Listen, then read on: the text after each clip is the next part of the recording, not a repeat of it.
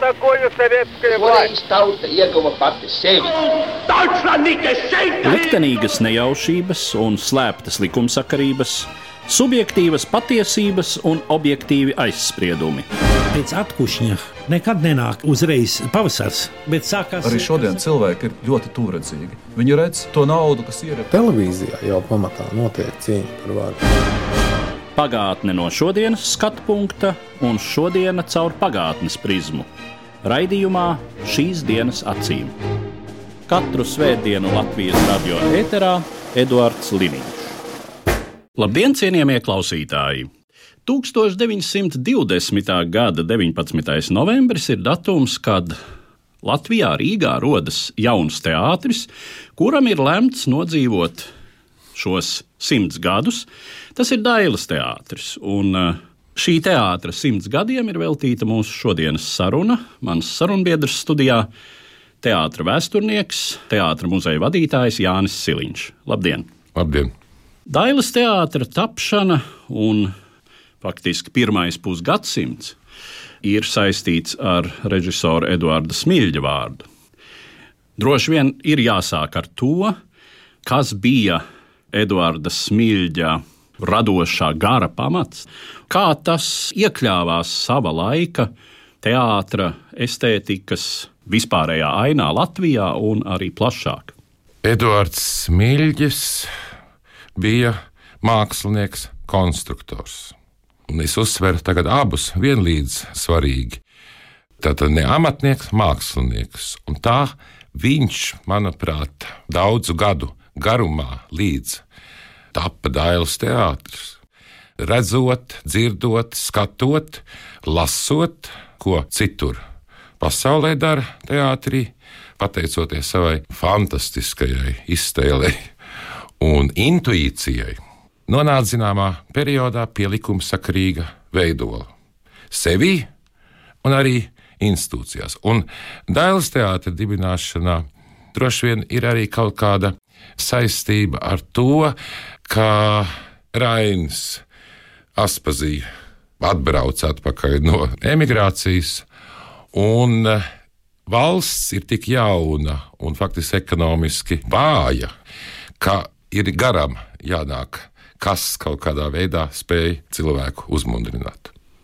Un līdz ar to Dailas teātrī tas piedāvājums, kā mēs vēsturē zinām, ka ir deklarācijās, manifestos visur teikts, ka nāk kā it kā noliedzējs kaut kam vecam, senam, tradicionālam, ka pēc tik ļoti smagām politiskām un ekonomiskām sagrāvēm ir jānāk ar citu gara spēku. Un tāds ir Dēls teātris. Un līdz ar to, manuprāt, viņš arī pieņemti, nepieņemti uzreiz iekļāvās Latvijā, nu, vispirms jau Rīgā. Latvija varbūt mazāk viņi ieraudzīja, visa Latvija, bet arī pilnīgi gaidīt, negaidīt arī Eiropas mērogam. Vai uh, Smilģis un viņa dailes teātris bija tā brīža Latvijas teātras situācijai kaut kas unikāls? Kā vispār to brīdi izskatās tā latviešu teātra kopaina, vai top citi jauni teātri? Atjaunojas pēc pasaules kara un neatkarības kara?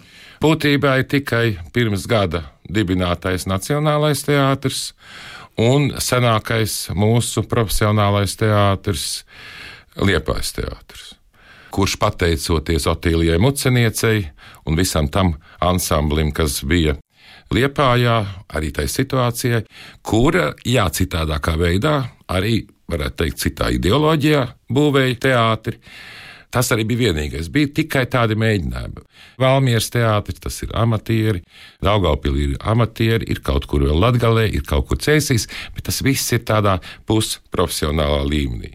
Pie tam jau jāņem vērā arī, ka to profesionālo mākslinieku, aktieru Latvijā ir pietiekami maz tajā brīdī, jo tas Pirmais pasaules karš tomēr izšķīdināja. Gan aizbraucot uz Krieviju, citiem vēl citur projām, un tie, kas atgriezās, kuri atgriezās, ne visi varēja turpināt.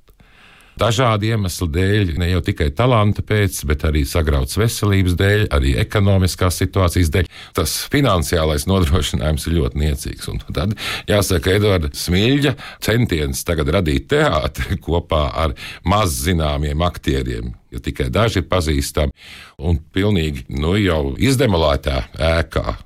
Tā ir milzīga uzdrošināšanās. Un tas, man liekas, ir tas adrenalīns, kas smilģi ir pavadījis visu mūžu. No otras puses, ja tā tobrīd teātra kopaina ir tik skraja, ka tur teju nekā nav, nu tad, protams, ir loģiski tur mēģināt aizpildīt šo nišu. Runājot par šo teātras situāciju, kas ir tas jaunais, ar ko ienāk Dailas teātris, tas, kas noliedz veco, un cik šis noliegums ir kategorisks.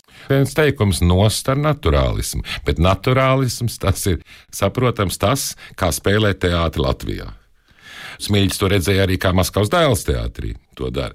Un nevarētu teikt, ka viņam tas galīgi nepatiktu, bet tajā periodā, kur viņš tos iespaidus guva, un tā ir arī viņa noteikti personības iezīme, arī viņš pats kā aktieris, jo viņš tomēr ir zināms jau aktieris, viņa psihofizika, viņš vairāk izjuta to citu formu meklējumu, kurā saskan vairāk varētu uzdrošināties teikt, ar citām mākslām, kur teātris nav tikai kā veids, kurā kaut kāda personība izspēlē to, kas ir rakstīts lugā, bet kā nāk meistars, kas to saliek citā kompozīcijā, lai skatītājs saprastu, ka viņš nāk skatīties teātri. Nevis vērot, kas ir faktiski psiholoģiskā teātris, pamatkodols, ilūzijas par dzīvi. Te ir cits uzstādījums, te ir cita ideoloģija. Un pašam viņam un Jānim Muncim kas man liekas ir ārkārtīgi svarīgi uzsvērt, ka tajā periodā tas ir tas cilvēks, kurš vairāk teorētiski, dažkārt arī praktiski, jo viņš Maskavā ir piedalījies arī Sevoloda Meierholda studijas darbā, saprast, kā mainās laiks, kā mainās skatītāju vēlēšanās, ko redzēt, un ka viņiem jāpiedāvā citādākais. Jo tad varbūt viņš iegūs pilnīgi citas emocijas, psiholoģisko pārdzīvojumu un tā tālāk. Un tā tālāk. Un tas ir tas, ko nu, intuitīvi jūtot, teorētiski no muļķa pamatojot. Plus pēc tam, ka parādās brīnišķīgā Felicita Tertner, kurai ir ārkārtīgi laba skola, Eiropas tradīcijās balstīta skola, kas saistīta ar kustību, ar ritmu, ar muzikalitāti. Tā ir smieļa intuīcija, uzdrošināšanās šādus cilvēkus sev piepulcināt. Domājot par to situāciju, jauns teātris, jauna teātra valoda.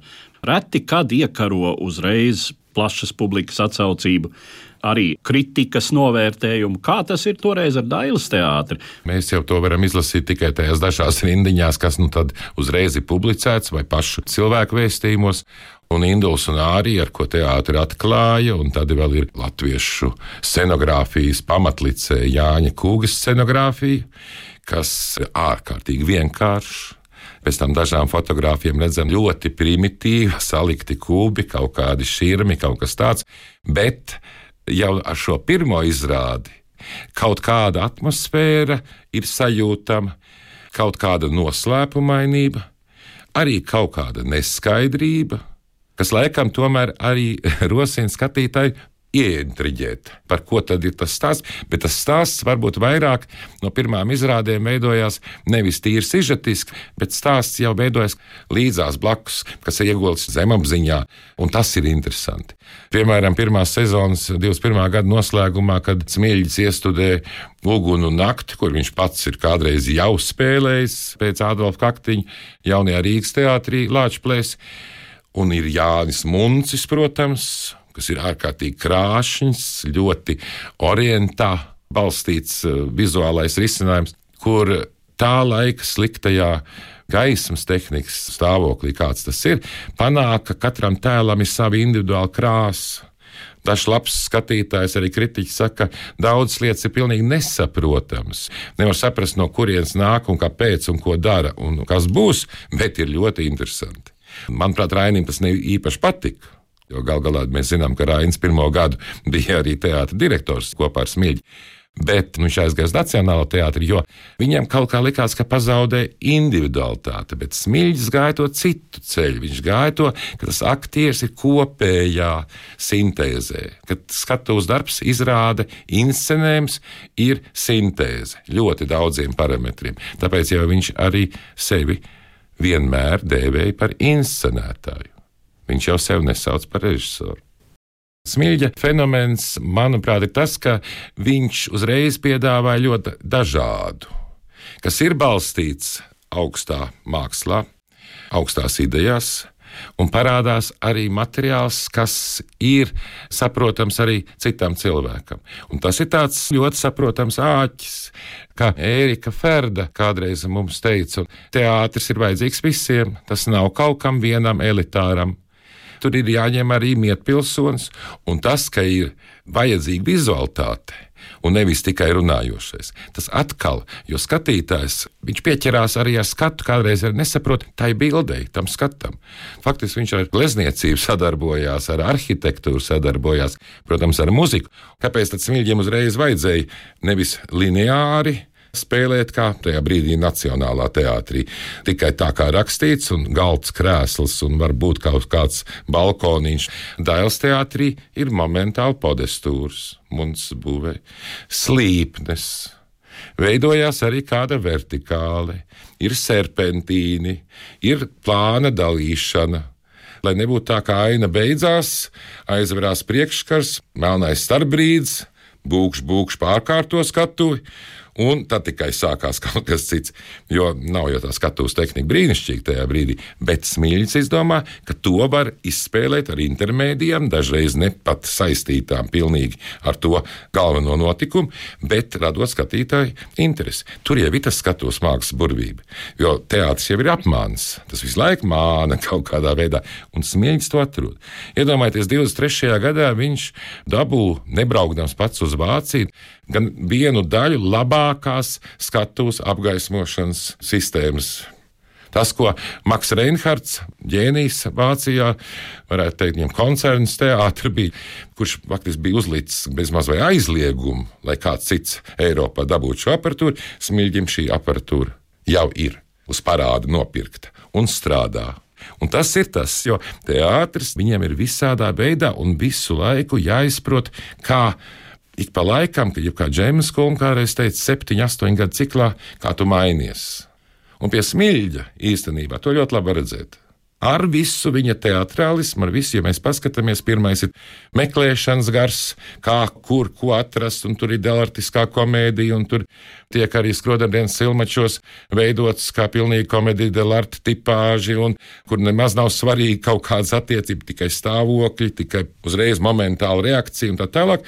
Kā tas īpaši pēc desmit gadus izaug jau citā scēniskā, skatuviskā, smilģis teica, scēniskā variantā arī Jāzeps un viņa brāļi. Piemēram, 33. gadā, kas jau ir pilnīgi nesamērojami, lai gan pirms tam viņš ir ekonomisko krīzi ierobežojot un cilvēks piepildot, atklājis muzikālo teātri, operetes un slavenās trījmeitiņas, kas daudz gadu garumā pilda kasi, pilda kasi, pilda kasi, bet uz tā bāzes var veidot arī kāds cits iestudējums. Tātad eh, šī ekonomiskā krīze, protams, ir Dailas teātrim vēl viens pārbaudījums, 20. gada beigas, 30. gada sākums. Un, eh, Tad ir runa par to, ka Dailas teātrī arī griežas šis repertuāra karuselis un eh, tiek iestudēts daudz ātri droši vien brīžiem arī pavirši. Dažādi. Mēs jau neviens neesam redzējuši, un tās recenzijas, kādas viņas ir. Un man daudz gadu garumā, lasot uh, pašam, vai runājot ar studentiem, vai stāstot un tā tālāk, es jau arī tāpat iztēlojos. Es jau pieņemu kādreiz arī kādas lietas labāk, nekā varbūt tajā brīdī ir bijuši. Bet Mēs zinām, ka Smilģis visā savā dzīves periodā ir 21 reizi interpretējis Šekspīru. Tas ir faktiski viņa galvenais autors. Turpat arī Šillers ir, bet tas nav tik daudz, un Rainis ir un, citi autori.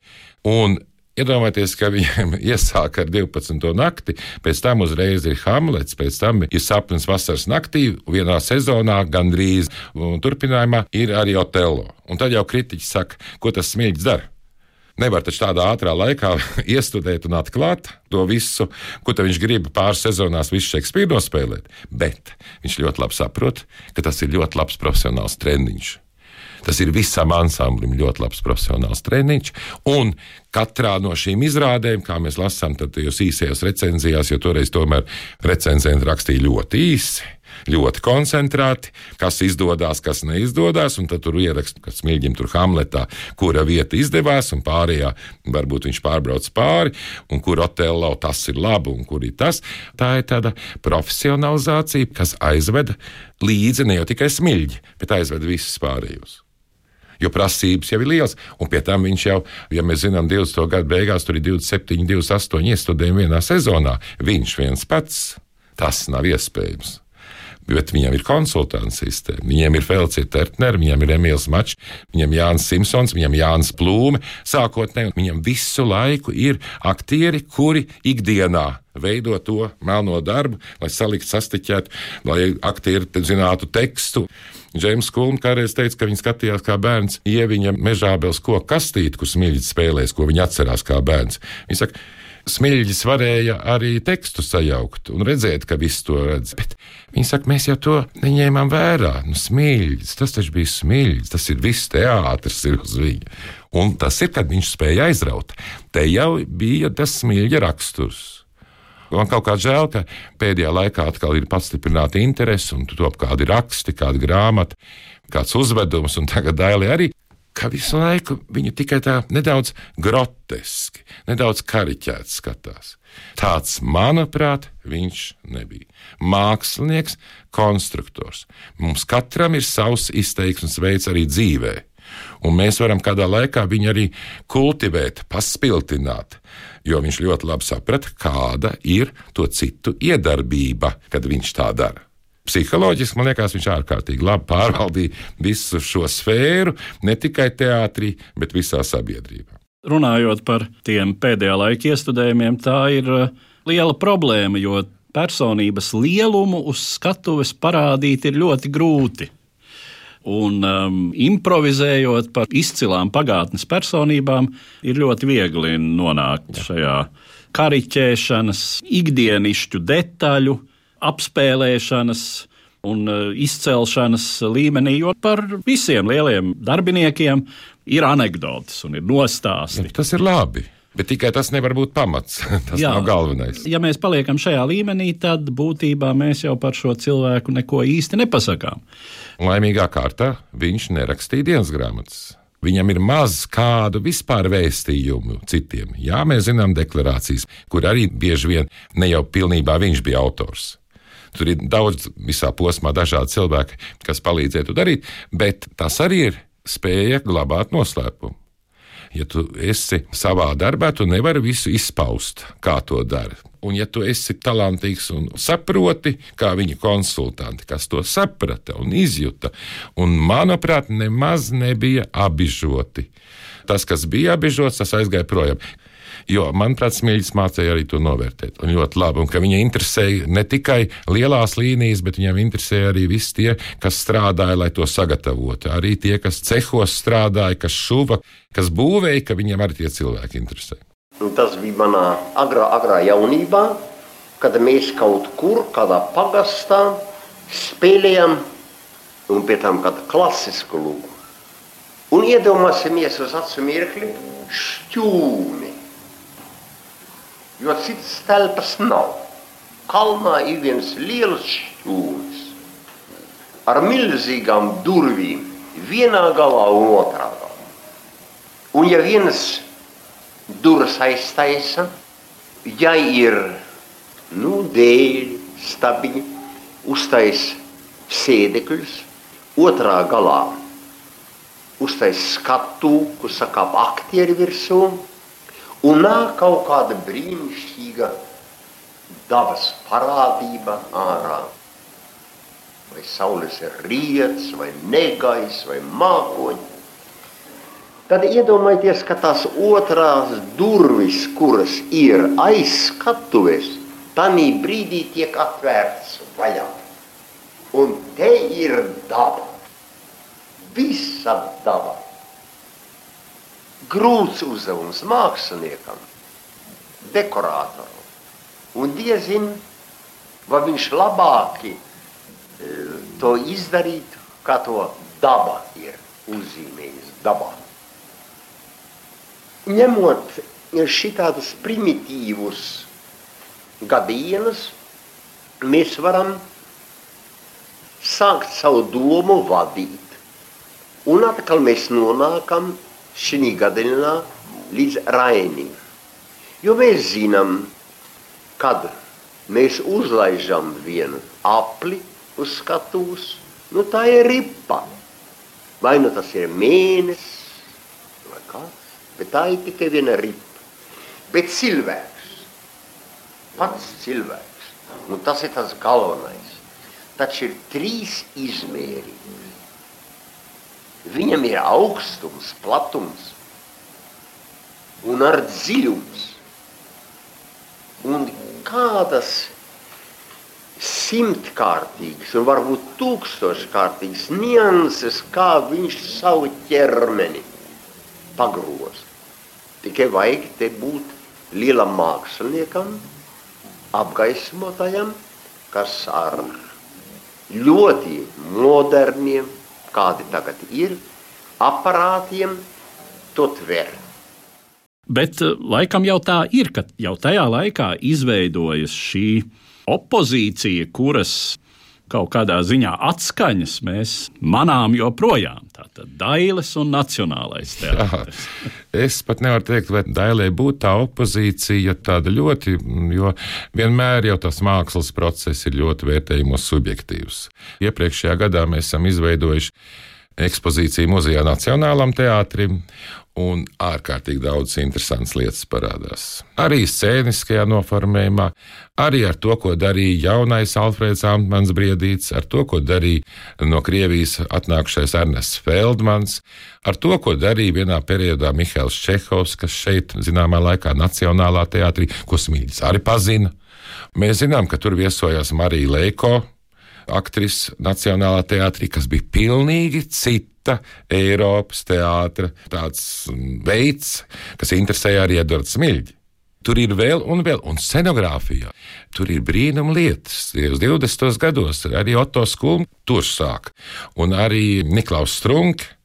Un, protams, slavenais un ilgadīgais Arthurs Cimermans, kas ir nepelnīti aizmirsts. Tur arī ir brīnumainas lietas. Tas ir citādāks teātris. Cits ir tas primārais.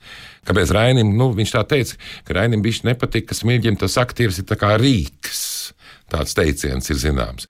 Smilģis tā nenoliedz to personību, bet viņš viņu centrēja. Viņam bija svarīgāks nevis tas, ko tu tagad domā, bet viņam svarīgākais, lai tu šajā brīdī būtu tur, uz tā podesta. Un tā nu ir atšķirība. Tā ir atšķirība. Arī šodien pasaulē ir šie režisori, kuram aktierim pašam jāmāk atrisināt, attaisnot visu to. To nevar ieliet. Un, protams, gan Dailē, gan Nacionālā bija arī vārgas izrādes, neizdevušās izrādes, un tās, kuras labākā gadījumā pārdzīvoja ļoti mazu izrāžu skaitu. Tā kā es tā nevaru teikt, jā, viņi ir citādāk teātri, bet konfrontēt Kādas ir Smilģa un Dailas teātra attiecības ar Ulmaņa autoritāro režīmu? Protams, dokumentāri ir ļoti dažādi, jo mēs vēl ar vienu meklējam tos īstos pierādījumus, jo ir daudzas leģendas.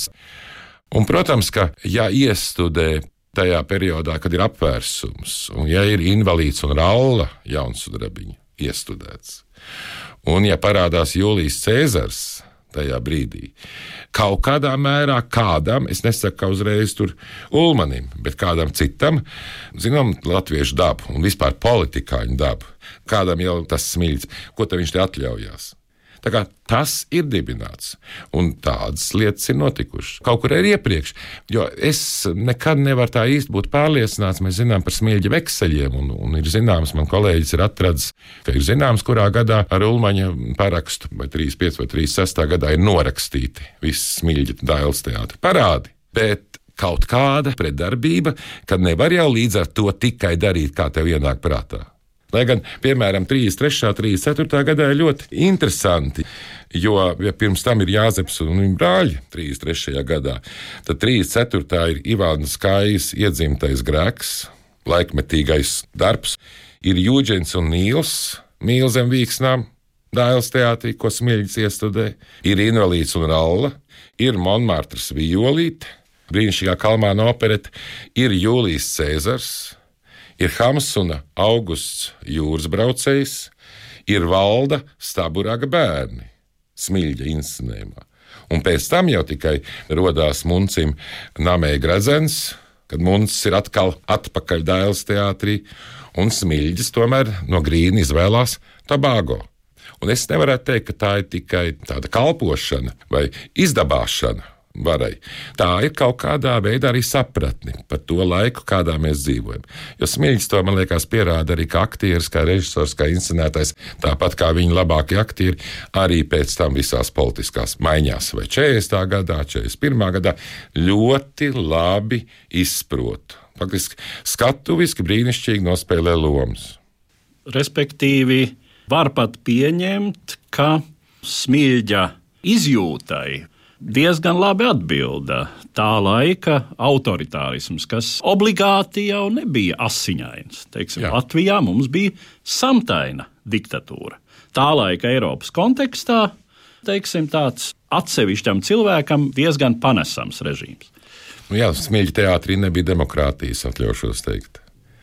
Ir zināms, arī Kaspāzija ir rakstījusi varāju un aizstāvējusi smilģi kādā brīdī par to, ka nevar viņu celt nos. Tāpat kā viņa atkal gribēja jau padomu laikos aizsūtot uz Maskavu.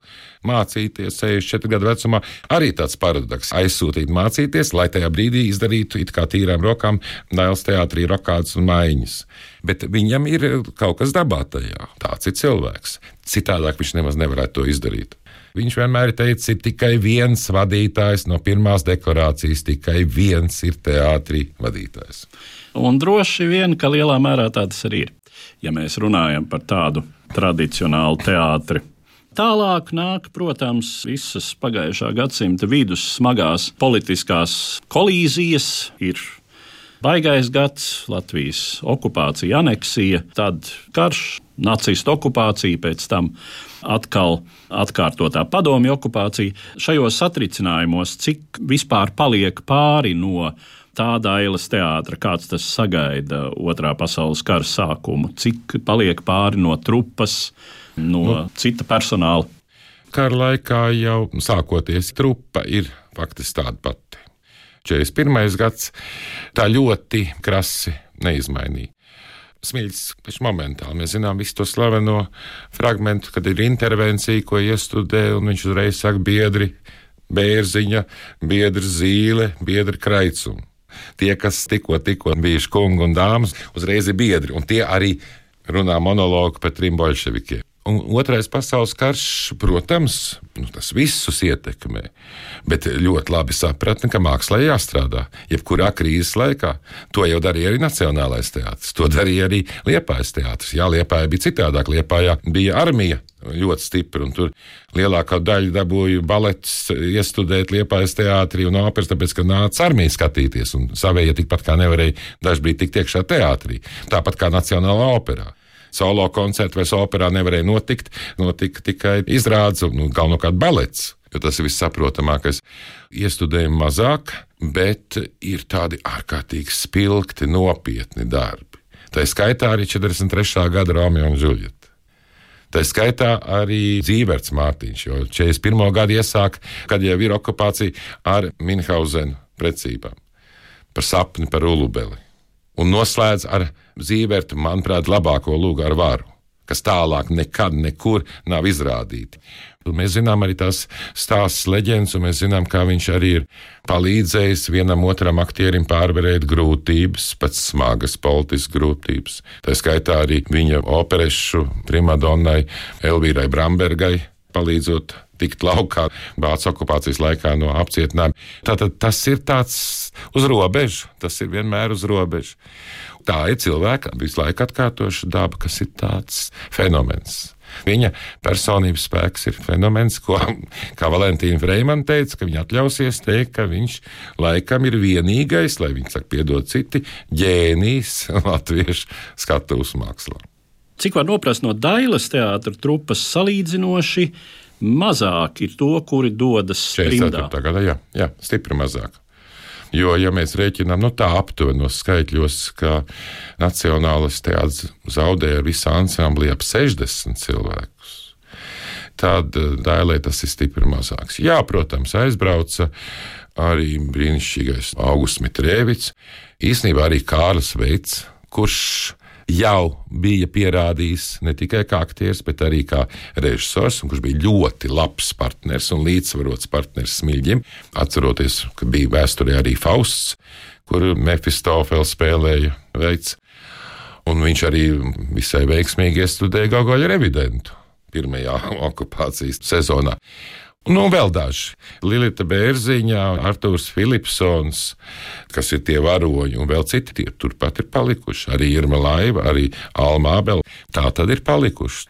Arī, kad karš tuvojās beigām, kad nāks iekšā, viņi jau tur dežūrēja. Viņi tur sēdēja naktī, lai kāds neienāk, lai kaut kas nenotiek, vai diez pasargi ieliek spriedzekļus, vai arī izdemolē. Un tā tālāk viņi dežūrēja un nāca aktieri un dzīvoja naktīm tur. Kā mēs kaut ko atceramies barikāžu laikā, lai nosargātu savu teātri. Tas, ko Smilģis domāja visā tajā brīdī, tas ir mums pilnīgi nezināmais. Mēs varam tikai iztēloties. Līdz ar to izskan pirmā puse no sarunas ar teātra vēsturnieku, teātra muzeja vadītāju Jānis Siliņu. Mūsu sarunas turpinājumu klausieties nākamsvētdien, 29. novembrī. Uz redzēšanos, cienījamie klausītāji! Katru svētdienu Latvijas radio viens par pagātni sarunājas Eduards Liniņš.